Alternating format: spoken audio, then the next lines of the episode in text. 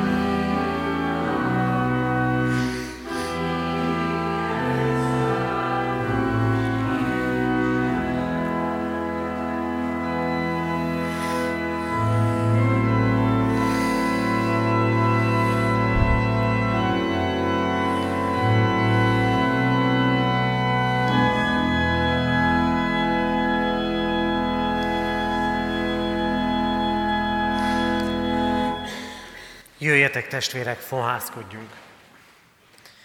A mi segítségünk, áhítatunk, elcsendesedésünk, megáldása és megszentelése jöjjön a mi Urunktól, aki úgy szerette a világot, hogy egyszülött fiát adta, hogy aki hisz ő benne el ne vesszen, hanem örök élete legyen. Ámen. Urunk Istenünk,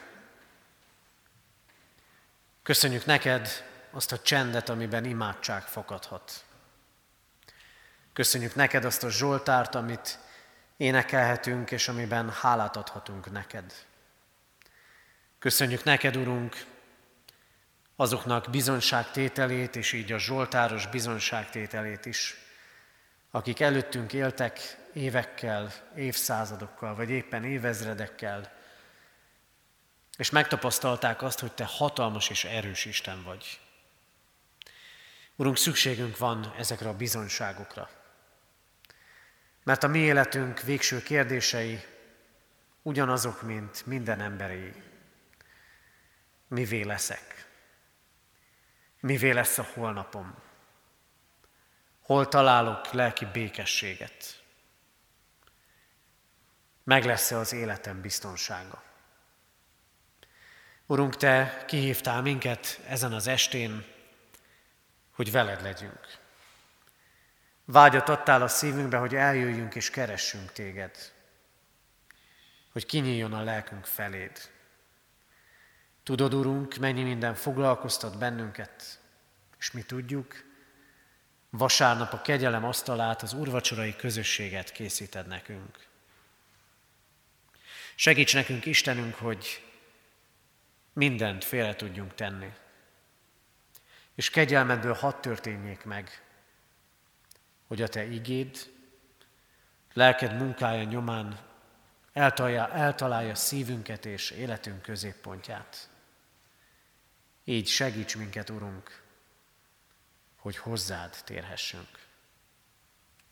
Ámen. Kedves testvérek, hallgassátok meg Isten igét, ahogy szól hozzánk a 65. Zsoltár verseiből.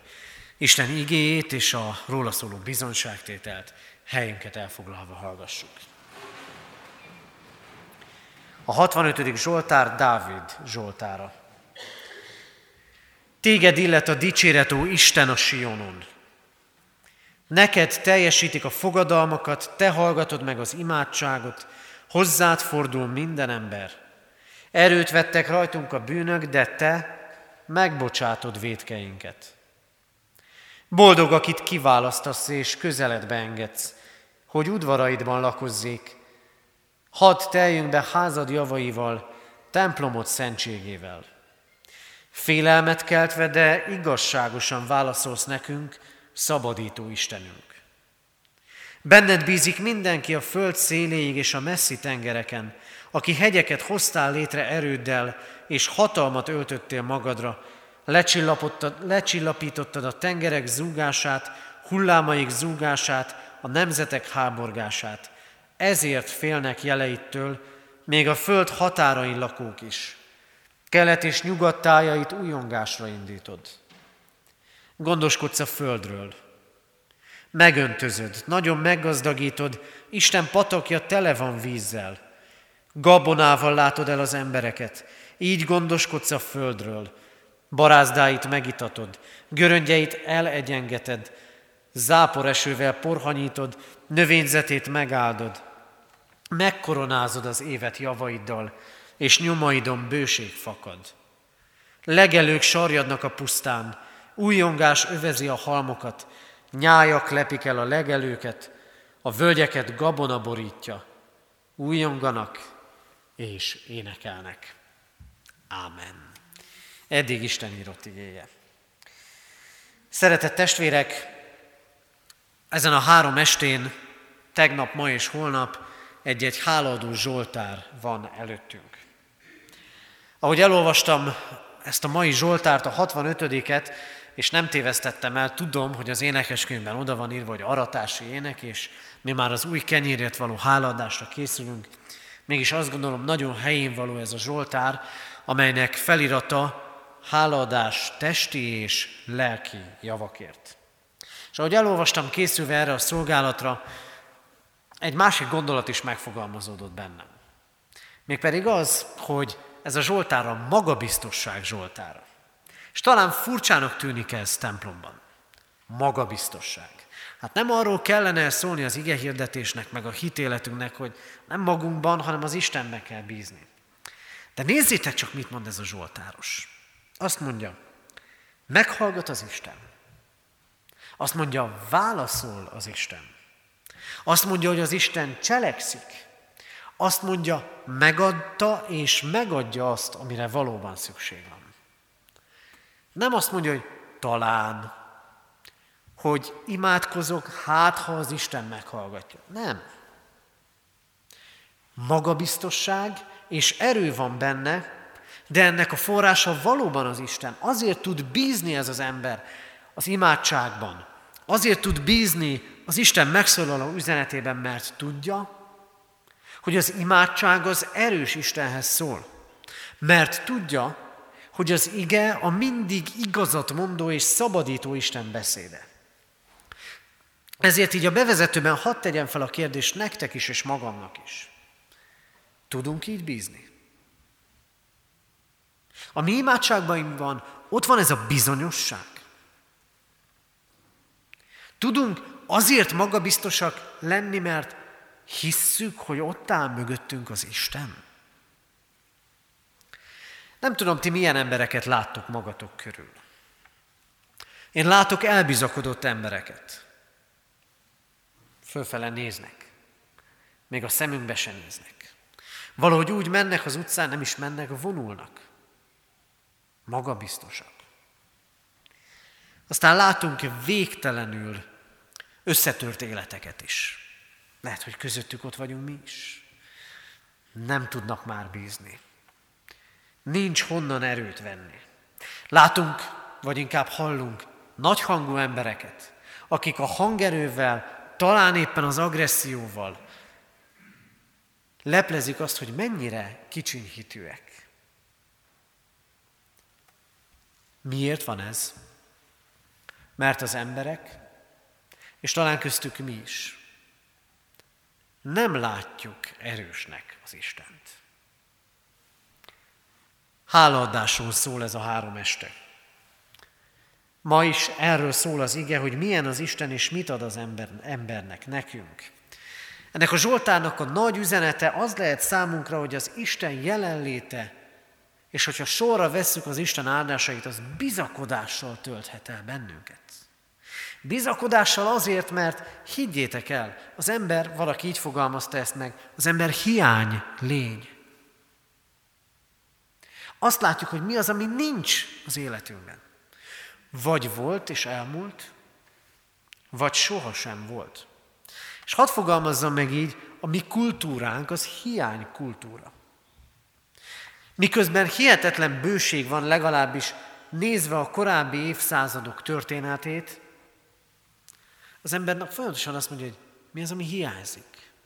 Mi kell még szebb, újabb, több és jobb. A mai ige azt üzeni, töltsön el titeket bizakodással az, hogy azt az Istent ismerhetjük, aki a lelki és a testi javak forrása. A lélek jólétéről szeretnék először szólni. Annak az embernek van jól a lelke, aki tele van az Istennel. Milyen szép ez a kifejezés, tele van az Istennel. Tudjátok, azért a magabiztosság Zsoltára ez, mert a teljességről beszél. Hadd említsek egyet-kettőt. Neked teljesítik az emberek a fogadalmat. Vagy az ötödik versben. Hadd teljünk be házad javaival. Nem csak egy kicsit kóstoljuk meg az Isten házának a javait, nem csak egy kicsit ízleljük meg, milyen az Isten, hadd teljünk meg vele. Egészen. Nem történik el meg az sokszor, hogy úgy jövünk az Istenhez, akár egy Isten tiszteletre, egy úrvacsorára, akár a személyes csendesség, hogy az Isten valami hatalmasat akar adni, mi pedig a kis mérőkanállal jövünk. Csak egy kicsit legyen jobb. De az Isten ennél többet akar adni. Hadd teljünk be házad javaiból. Miért nem így jövünk az Isten házába? Miért nem merünk kérni és várni tőle egészen sokat? Vagy aztán később. Benned bízik mindenki a föld széléig. Mindenki. Érezzük, hogy ez nem így van, és mégis ott van a reménység. El fog jönni az az idő. Ahogy a Filippi levélben olvassuk, Krisztus nevére minden térd meg fog hajolni. Mennyeieké, földieké és föld alattiaké. És miközben a teljességről szól ez a Zsoltár, meg kell állnunk és föl kell tennünk nekem is, neked is, magunknak a kérdést, és mi vajon mivel vagyunk tele? Keserűséggel, hiányjal, haraggal, panasszal, indulattal, mindazzal, ami kijön a szánkon, ami kiül a tekintetünkre, ami árad belőlünk. De testvérek, ez a Zsoltár egészen más. Az Isten magasztalásáról szól, arról, hogy adjatok hálát.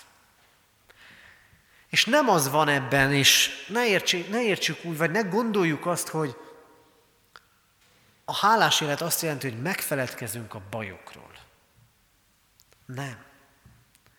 Meggyőződésem, hogy a Zsoltáros életében ugyanúgy ott voltak azok a problémák, amiket te meg én küzdünk. Ott voltak azok a problémák, amikkel az akkori egyház küzdött.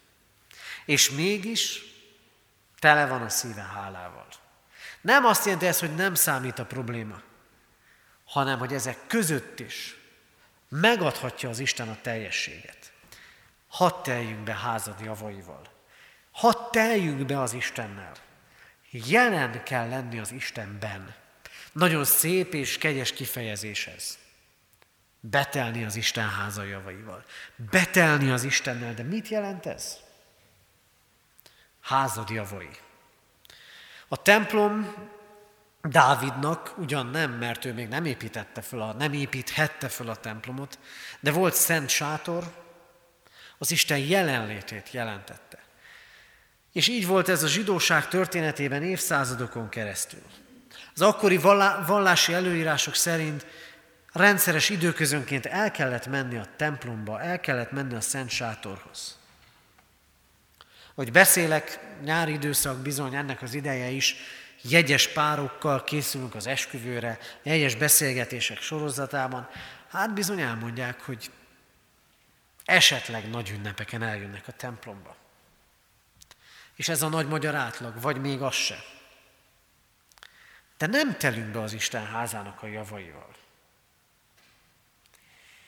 Kedves testvérek, az emberek nem az Istennel vannak tele. A templom az Isten jelenlétét jelképezi. És hadd mondjak nektek egy-két történetet, vagy inkább hadd idézzek fel egy-két történetet, amikor az Isten jelenléte kézzel foghatóvá lesz. Mózes a csipkebokornál. Úgy ment arra talán, mint nagyon sokszor, és egyszer csak megjelent neki az Isten. Ábrahám. Menj el földedről, rokonságot közül és atyát házából arra a földre, amelyet én mutatok neked. Krisztus. Az ő találkozásai betegekkel, az Isten jelenlétének, erejének kiáradása, a tanítványok megtapasztalásai, mind-mind olyan történet, amikor az Isten jelenléte világossá lesz, kézzel foghatóvá válik, és történik valami. Életek fordulnak meg, és indulnak el bizalommal. Nézzétek Ábrahámot. Bízik. Nézzétek Mózest. Persze tudjuk, mindegyikben ott van a kételkedés, de végül mégis megy. Ahol az Isten jelen van, ott mindig új kezdődik. Ott új minőség születik. Újra és újra. És nézzétek, egyik történet sem templomban játszódik de mindegyik az Isten jelenlétében. Mert az Isten nincs a falakhoz kötve. Ennek a templomnak a falai közé sem. a hitünk falai közé sem. Az otthonunk falai közé sincs kötve az Isten. Hogy ott nagyon tudunk imádkozni, de kilépünk, és már egész más. Hm? Isten ott és akkor mutatja meg magát, ahol és amikor akarja. De Krisztus azt mondja, közöttetek vagyok. Jelen kell lenni az Istenben. Ezt mondja ez a Zsoltár, és ugyanaz fogalmazódik meg Krisztus szavaiban. Aki én bennem marad, mondja Jézus. Annak van örök élete. Az terem gyümölcsöt. Kedves testvérek, ezért az Isten jelenlétében kell, hadd használjam ezt a kifejezést, újra és újra elmerülni. Hogy átjárjon az Isten. Hogy ne csak kicsiny mérő kanállal vagy teás kanállal érkezzünk meríteni az Isten szeretetéből. Hadd teljünk be házad javaival. Hadd érezzük meg a te jelenlétedet. És aztán az Isten lelki javakat ad. Mert ebben a Zsoltárban bizony megfogalmazódik, hogy az Isten meghallgatja az imádságot, és az Isten válaszol. Megtelni nem lehet másként az Isten javaival, csak is úgy, ha elköteleződünk az imádság mellett ha nagyon komolyan vesszük az imádságot. Uram, házadba mehetek. Mondja a Zsoltáros, közeledbe engedsz. Lelki javakat várunk, de lelki javak nincsenek imádság nélkül. Ezért urvacsorára készülve arra is hív bennünket az Isten, hogy megvizsgáljuk az ima életünket imádkozó emberek vagyunk? Nézzétek, milyen lelki állapotban vannak az emberek. Mások is, meg mi is. Látjuk, tudjuk, tapasztaljuk. Meggyőződésem az, azért van ez így, mert az emberek nem imádkoznak. És azért van velünk is így, mert nem imádkozunk. Nem imádkozunk úgy, olyan odaszántsággal és hittel, hogy hisszük valóban az erős Isten áll mögöttünk. És hadd kérdezzem így is, miért van olyan állapotban a gyülekezetünk, amilyenben? Mert nem imádkozunk. Vagy legalábbis nem eleget. Az Isten imádságra hív, a Zsoltáros a meghallgatott imádságokról beszél, és ezért ad hálát az Istennek. És most hadd tegyem fel a kérdést, engem is nagyon elgondolkodtatott, amikor készültem. Milyen imádságodat hallgatta meg legutóbb az Isten? Hisszük, hogy mindegyiket, de mi volt az utolsó, amit fel tudsz idézni, hogy kértél valamit, és az Isten megadta? Külön igehirdetés sorozatokat lehetne mondani az imádságról, most csak hadd legyen ennyi kérdés. Vannak-e tapasztalataink meghallgatott imádságokra? Én hiszem, hogy igen. De vajon mennyit kell visszamenni időben, hogy fel tudjunk ilyeneket idézni? Talán azért van kevés meghallgatott imádságunk, mert kevés az imádságunk meg mert nem tudjuk jól kérni. És amikor az imádság meghallgatásáról val a Zsoltáros, bizony nem kerüli meg a bűnvallást sem. Azt mondja, erőt vettek rajtunk a bűnök. És megint jön szinte a magabiztosság, de te megbocsátod a bűneinket. De előtt, ki, előtte ki kell mondani, hogy erőt vettek rajtunk a bűnök. Kedves testvérek, a világ nem szeret a bűnről hallani, és a keresztény ember sem. A világ azért nem, mert szembesül a bűnével, a keresztény ember meg azért nem, mert hát egy pár év vagy pár évtized hitbenjárás után már azért nem kellene annyi bűnnek lenni az életünkben. Mégis Lelki jólét nincsen bűnlátás és bűnvallás nélkül. Ezt nagyon komolyan kellene vennünk. Nincs lelki jólét bűnvallás nélkül. Újra mondom, urvacsorai előkészítőn vagyunk együtt. Készülünk a holnap utáni urvacsorai közösségre. Lesz igazi bűnvallás? Vagy csak a sablonok? Ezért egy vagyunk erőtlenek. Az erőtlenséget érezzük, ugye? A személyes hitéletünkben, meg a gyülekezetünk dolgaiban is érezzük az erőtlenséget. Hát itt a válasz. Erőt vettek rajtunk a bűnök. Miközben az erős Isten áll mögöttünk. Akkor nincs más út, kedves testvérek, mint bűnvallással odállni az Isten elé. Egyen-egyenként. És közösségként is megvallani azt, amire az Isten rámutat. Mert a bűn elválasztja az embert az Istentől. Mert nincs ott lelki jólét, ahol bűnök maradnak megoldatlanul. És újra csak ennyit mondok, nézzetek szét. Mennyire van lelki jólétben a mi társadalmunk? Semennyire. Mert nem akarja megvallani a bűneit. És tudjátok, az Isten válaszol. De a sorrend az ez. Imádság, bűnvallás és válaszol az Isten. Ez, ez áll előttünk a Zsoltárban. És úgy tűnik, hogy nagyon általános ez a megfogalmazás, amit itt olvasunk a Zsoltárokban. De azért jó, hogy ilyen, mert bárhol és bármikor elmondható, és bármilyen helyzetben igaz lehet, hogy az Isten válaszol az imádkozónak. Válaszol annak, aki bűnvallást tesz előtte. Az Isten szól, mert igazságos és szabadító. Az Isten épít, és bizalmat kelt. Ezért gondolkodjunk el azon is, milyen lelki javaink vannak. Milyen meghallgatott imádságaink, milyen jeleit látjuk a hitbeli növekedésünknek. Tudjátok, az Isten nem változott. Ha felidézted a legutóbbi meghallgatott imádságot, a közeli vagy a távolabbi múltban, akkor az arról szól, hogy az Isten erős, és az Isten nem változott. Te meg én mi igen. A mi hitünk olyan gyenge és annyira esendő, de az Isten nem változott. És végezetül a testi javak is az Istentől jönnek. Az Isten gondoskodik a világról.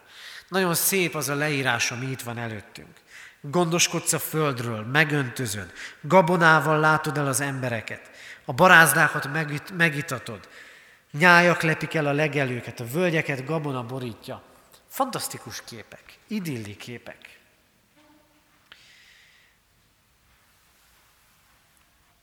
És mégis mennyire látjuk, hogy sokszor nincsenek így a dolgok. Hogy nincsen bőség. Bár soha nem termelt meg az ember annyi élelmiszert, mint manapság, amiből egyébként jól lehetne lakatni a világ minden éhezőjét mégis végtelen szükségek vannak. A képek gyönyörűek, és amik ott vannak mögötte, a fölött nincs hatalma az embernek. Nincs hatalma az embernek, hogy mikor süt a nap, hogy mikor fúj a szél, és szárít ki mindent, mint talán ezekben a napokban, a nap meg a szél együtt. És nincs hatalmunk az eső felett de az Isten könyörül az emberen. A mikorunk embere szereti elhinni azt, hogy az ember mindenható. És a mai ember sok görcsössége pontosan abból fakad, hogy újra és újra beleütközünk a határainkba. A világ azt mondja, nincsenek határok, de határok vannak. És a határok, amikről nem veszünk tudomást, és lepattanunk róluk, azok visszalökik az embert a lelki sivárság állapotába. A világon élő ember ma is kiszolgáltatott. Néha-néha az ember megérzi ezt. Megérzi akkor, amikor visszaemlékezik a kecskeméti ember a tavalyi június végi jégesőre. Az ember kiszolgáltatott. Amikor halljátok, tudjátok, hányan voltak, mentek a hídon, Olaszországban, Genovában, amiben talán ki tudja hányszor átmentek, és egyszer csak nem volt ott a híd. Az ember kiszolgáltatott, és mégis ez a sebezhető világ az Isten kezében van. Az élet tervezhető, legalábbis mi azt gondoljuk, és mégis a rendszerek és életek omlanak össze. Bármiben el lehet bukni. Ki beszélt két héttel ezelőtt Törökország gazdasági válságáról? Senki. És most benne vannak. Ennyire törékeny ma is az életünk. Talán annyira nem, mint az ókori Izraelben, de mégis végtelenül törékeny. És tudjátok, éppen ezért vegyétek észre, hogy az Isten hogyan tart bennünket.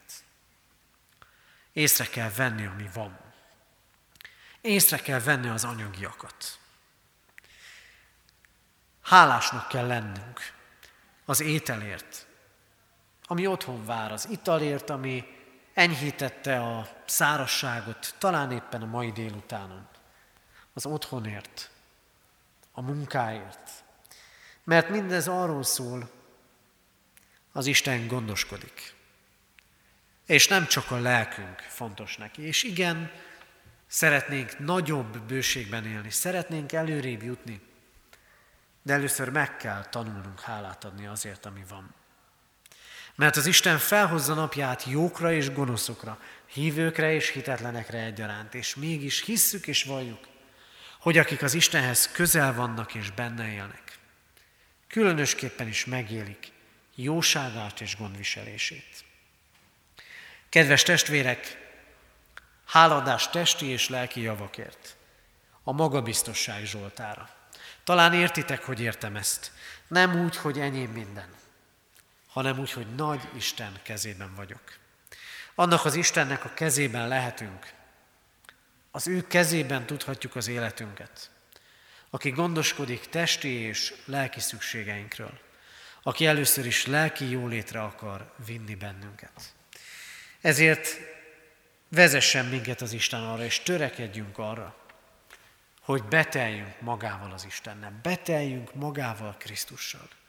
És legyen a mi életünk odaszántabban imádkozó, odaszántabban ígére figyelő élet. Olyan élet, amely megtanul hálát adni a kicsiért, a kevésért, de a nagyért és a sokért is. Ebben áldjon és vezessen minket a mindenható Isten. Ámen. Jöjjetek, fennállva könyörögjük. Urunk, köszönjük neked, meghallgatott imádságainkat. Köszönjük neked a minket megszólító üzeneteket. Azt is, amit most vihetünk el magunkkal. Köszönjük neked, Urunk, hogy felnyitod a szemünket arra, amink van, mert sokszor mi csak azt látjuk, ami nincs. Köszönjük a testi javakat. Köszönjük azt, hogy hogyha előrébb léphettünk, vagy ha valamit megtarthattunk. És köszönjük azt is, hogyha veszteségek között is megtapasztalhattuk gondviselésedet. Urunk, kérünk, vezess minket imádkozó életre. Tégy minket imádkozó gyülekezetté. Add meg azt a készséget, Urunk, hogy értsük és éljük a Te igédet. Urunk, könyörülj rajtunk, hogy bűnvallásunk ne csak szavakban legyen, hanem lelkünk egész töredelmével. Így állunk most eléd, várva megújító szeretetedet, de hálát adva a lelki és testi javakért, amivel megáldottad az életünket. Ámen. Ti azért így imádkozzatok, mi atyánk, aki a mennyekben vagy, szenteltessék meg a te neved. Jöjjön el a te országod, legyen meg a te akaratod, amint a mennyben, úgy a földön is. mindennapi kenyerünket add meg nékünk ma, és bocsásd meg védkeinket, miképpen mi is megbocsátunk az ellenünk védkezőknek. És ne vigy minket kísértésbe, de szabadíts meg a gonosztól, mert tiéd az ország, a hatalom és a dicsőség. Mind örökké. Ámen. Mindezek után Istennek, a mi atyának szeretete, az Úr Jézus Krisztus kegyelme és a lélek közössége maradjon mindannyiótokkal. Ámen. Foglaljunk helyet, testvérek! Hirdetésként szeretettel hívok mindenkit, és mi is hívjunk másokat, holnap este 6 órára is ide a templomba az úrvacsorai előkészítő istentiszteletre, ahol folytatjuk a hálaadó zsoltárok sorozatát, Holnap a 138. Zsoltár igéi lesznek előttünk, előre is olvashatjuk, akár hogy így is készüljünk, elcsendesedve a holnap estére. Holnap után vasárnap minden Isten tiszteletünkön megterítjük az, urvacsor, az urasztalát, urvacsorai közösségben lehetünk együtt. Augusztus 20-án, hétfőn, nemzeti ünnepünkön, 9 órakor tartunk Isten tiszteletet itt a templomban, ez alkalommal urvacsoraosztás nem lesz, mint ahogy nem is szokott, tehát 20-án 9 órakor lesz Isten tisztelet a templomban, így reggeli 48-as Isten tisztelet nem lesz, és ugyancsak 20-án délután 5 órakor pedig a város főterén kerül sor ökumenikus kenyéráldásra. És még hirdetésként annyit kérek, hogy engedve az ige szavának, vegyük nagyon komolyan az imádság szolgálatát. Záró énekünket énekeljük, a 65. Zsoltár eddig nem énekelt verseit, tehát a 6., 7., 8. és 9. verseket énekeljük el. 65. Zsoltár 6., 7., 8., 9. verseit. Te megvigasztalsz mindeneket reggel a napfényjel. Mm-hmm.